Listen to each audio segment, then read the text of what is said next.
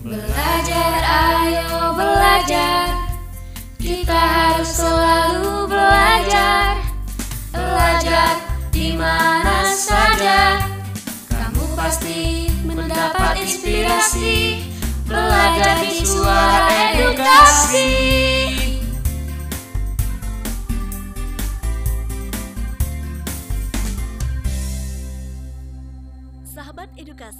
Selamat berjumpa kembali dalam program Ayo Belajar yang dikembangkan oleh Pustekom Kemdikbud.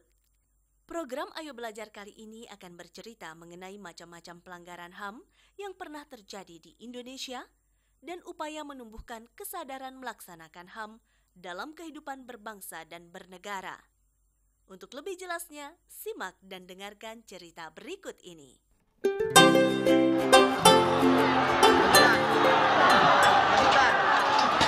Anarkis, anarkis, anarkis, anarkis. Anarkis. Anarkis. Woi, woi, woi, woi, woi, woi, woi.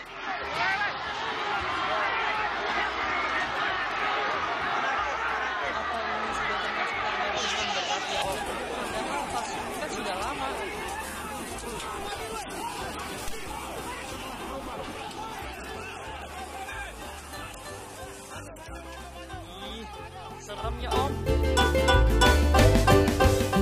Sahabat edukasi, sepertinya pelanggaran HAM berat meninggalkan duka yang mendalam.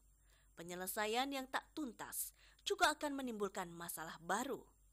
Nah, apa saja pelanggaran HAM yang pernah terjadi di Indonesia? Bagaimana menumbuhkan kesadaran masyarakat agar tidak terjadi kembali? Sahabat edukasi, untuk mengetahuinya, yuk kita dengarkan kelanjutan ceritanya.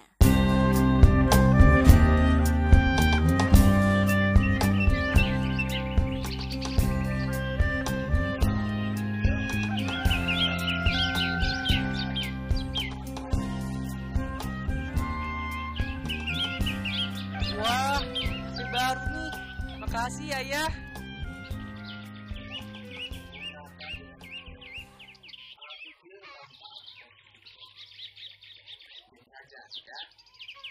Tenang ya, Tio kan sudah besar, mengerti mana yang baik dan mana yang buruk. Jadi tidak akan disalahgunakan pelanggaran nanti.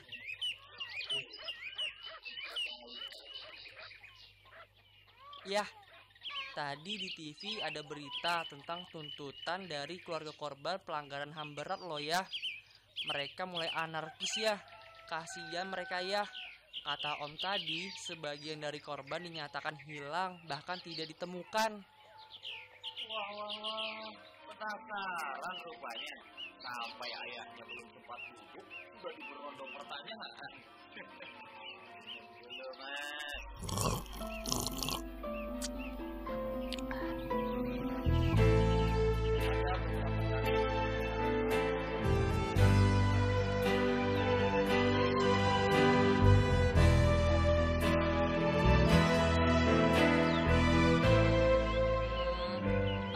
Saja ya contoh kasus pelanggaran HAM yang pernah terjadi?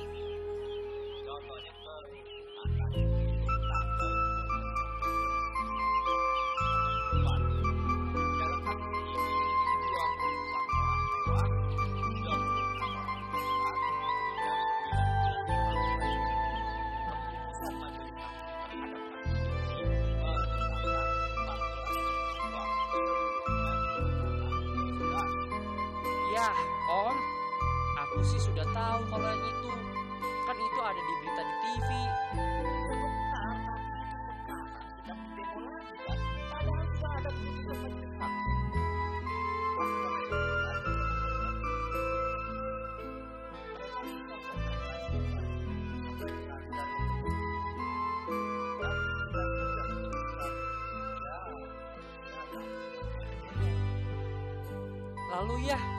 contoh kasus lainnya apa?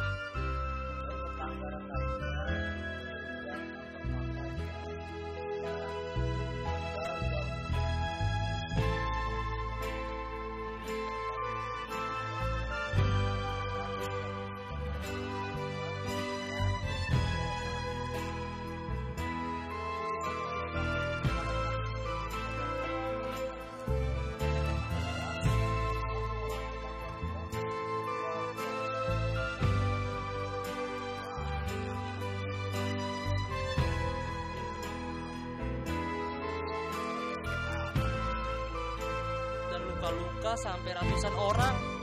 Mengerikannya ya.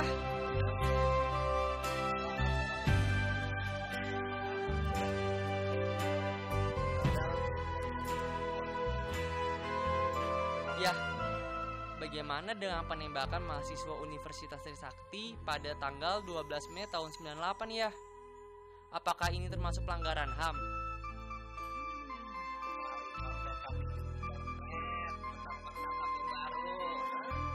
Iya dong om, sekalian coba kecepatan internet HP ini.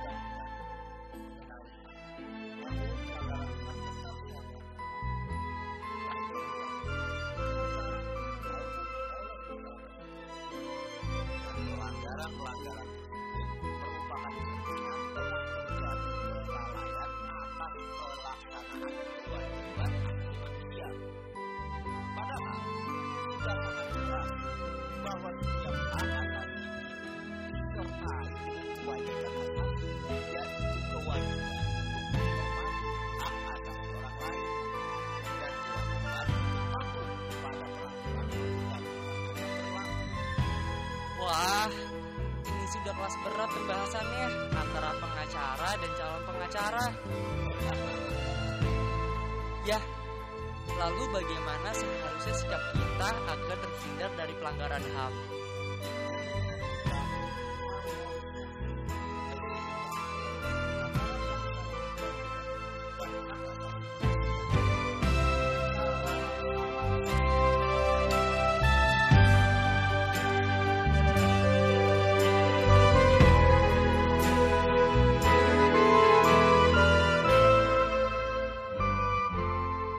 Sahabat edukasi, sekarang kita tahu tentang kasus-kasus pelanggaran yang pernah terjadi di Indonesia antara lain 1.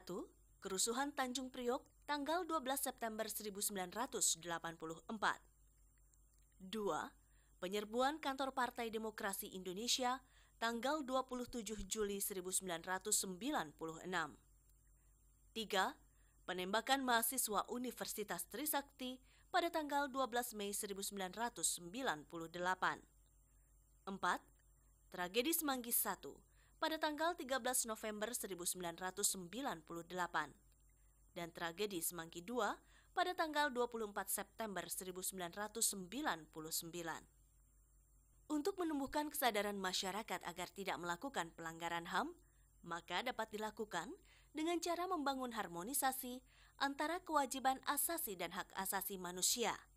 Salah satunya meninggalkan sikap egois atau mementingkan diri sendiri.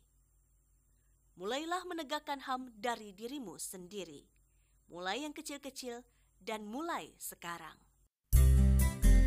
Semakin banyak yang ku tahu Semakin aku bersemangat untuk terus belajar Belajar, ayo belajar.